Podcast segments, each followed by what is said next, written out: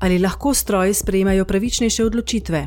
To vprašanje se morda zdi absurdno, mar ni ravno zavest tisto, kar človeka razlikuje od stroja. O odnosu med človekom in umetno inteligenco govorijo številni filmi in knjige, vendar se z razvojem tehnologije spreminjajo tudi pogledi na to vprašanje. Nekaj pa je gotovo: umetna inteligenca ni več znanstvena fantastika, temveč aktiven sektor z ogromnim gospodarskim potencialom in Evropa pri tem ne sme zaostajati.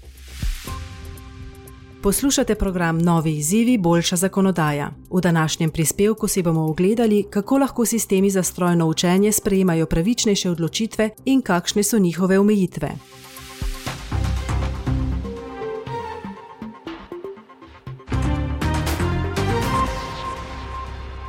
Umetna inteligenca je zdaj sestavni del našega vsakdana. Uporabljamo jo na skoraj vseh področjih: v avtu, na pametnih telefonih in celo pri aparatu za kavo. Predlogi strojev so običajno relevantni in jih upoštevamo, ko pa gre za odločanje, jim zaupamo manj.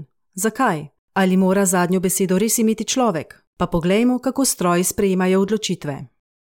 Strojno učenje je oblika umetne inteligence, pri kateri računalniki v situacijah, v katerih ni mogoče uporabiti razpoložljivih algoritmov, razvijajo lastne postopke odločanja. Postopek je preprost. Temelji na analizi podatkov zbranih v prejšnjih podobnih situacijah in rešitvah teh situacij. Sistem ustvari postopek odločanja, katerega rešitev bo ustrezala preteklim situacijam s podobnimi začetnimi podatki.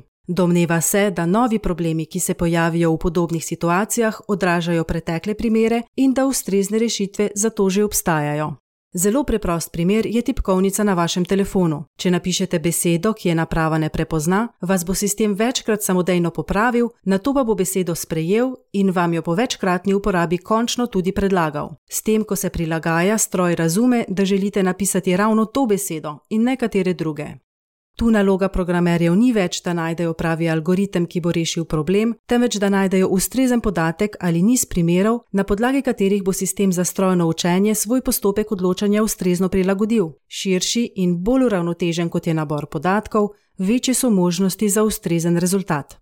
Tipičen primer neustreznega rezultata lahko vidimo pri nekaterih sistemih za prepoznavanje obrazov, ki imajo težave pri prepoznavanju temnopoltih žensk. To se zgodi zato, ker v učnem procesu niso uporabili dovolj slik te specifične populacije.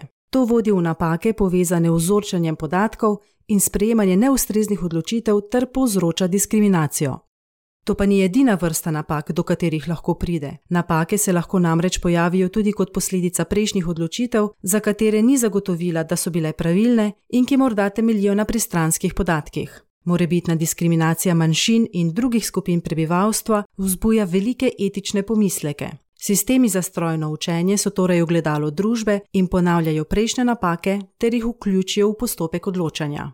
Znanstveniki trenutno razvijajo rešitve za odkrivanje in odpravljanje napak v podatkih, ki se uporabljajo za strojno učenje. Ustvariti želijo umetno inteligenco, ki bo pravična in varna za vse uporabnike, ne glede na njihov spol, starost ali etično pripadnost.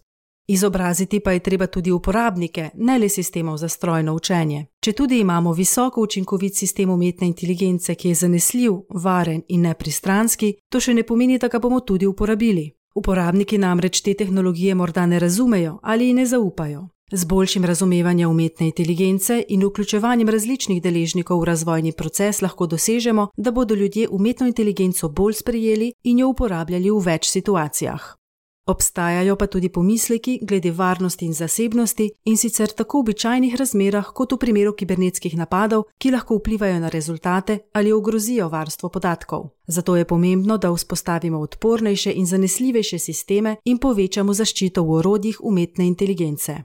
Pri umetni inteligenci pa hitro naletimo tudi na pravne težave, saj se tehnologija vedno razvija hitreje kot njen zakonodajni okvir, Namesto sprejemanja dodatne zakonodaje je treba poskrbeti, da bodo obstoječa pravila, kot je splošna uredba Unije v varstvu podatkov, veljala za vse nove vidike, ki se lahko pojavijo z razvojem tehnologije. Evropska zakonodaja, kot je predlagani akt o umetni inteligenci, bi se lahko uporabljala tudi za nabore podatkov, ne le za algoritme.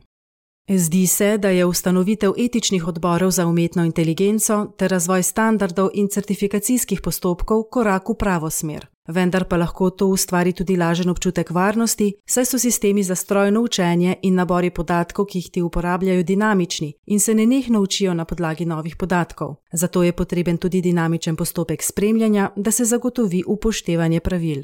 Posebni odbor Evropskega parlamenta za umetno inteligenco v digitalni dobi je novembra 2021 predstavil delovni dokument o umetni inteligenci in napakah, pri čemer je posebno pozornost namenil kakovosti podatkov. Odbor v dokumentu upozarja, da se je treba izogibati učnim podatkom, ki spodbujajo diskriminatorno vedenje in povzročajo, da so nekatere skupine premalo zastopane. Hkrati pa je treba pozorno spremljati, ali izhodni podatki, ki se uporabljajo kot vhodni podatki za prihodnje operacije, tako imenovane povratne zanke, povzročajo napake.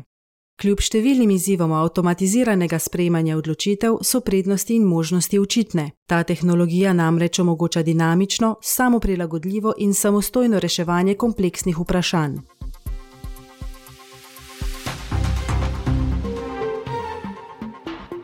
To je prispevek Evropskega parlamenta. Več informacij je na voljo na našem spletnem mestu Think Tank.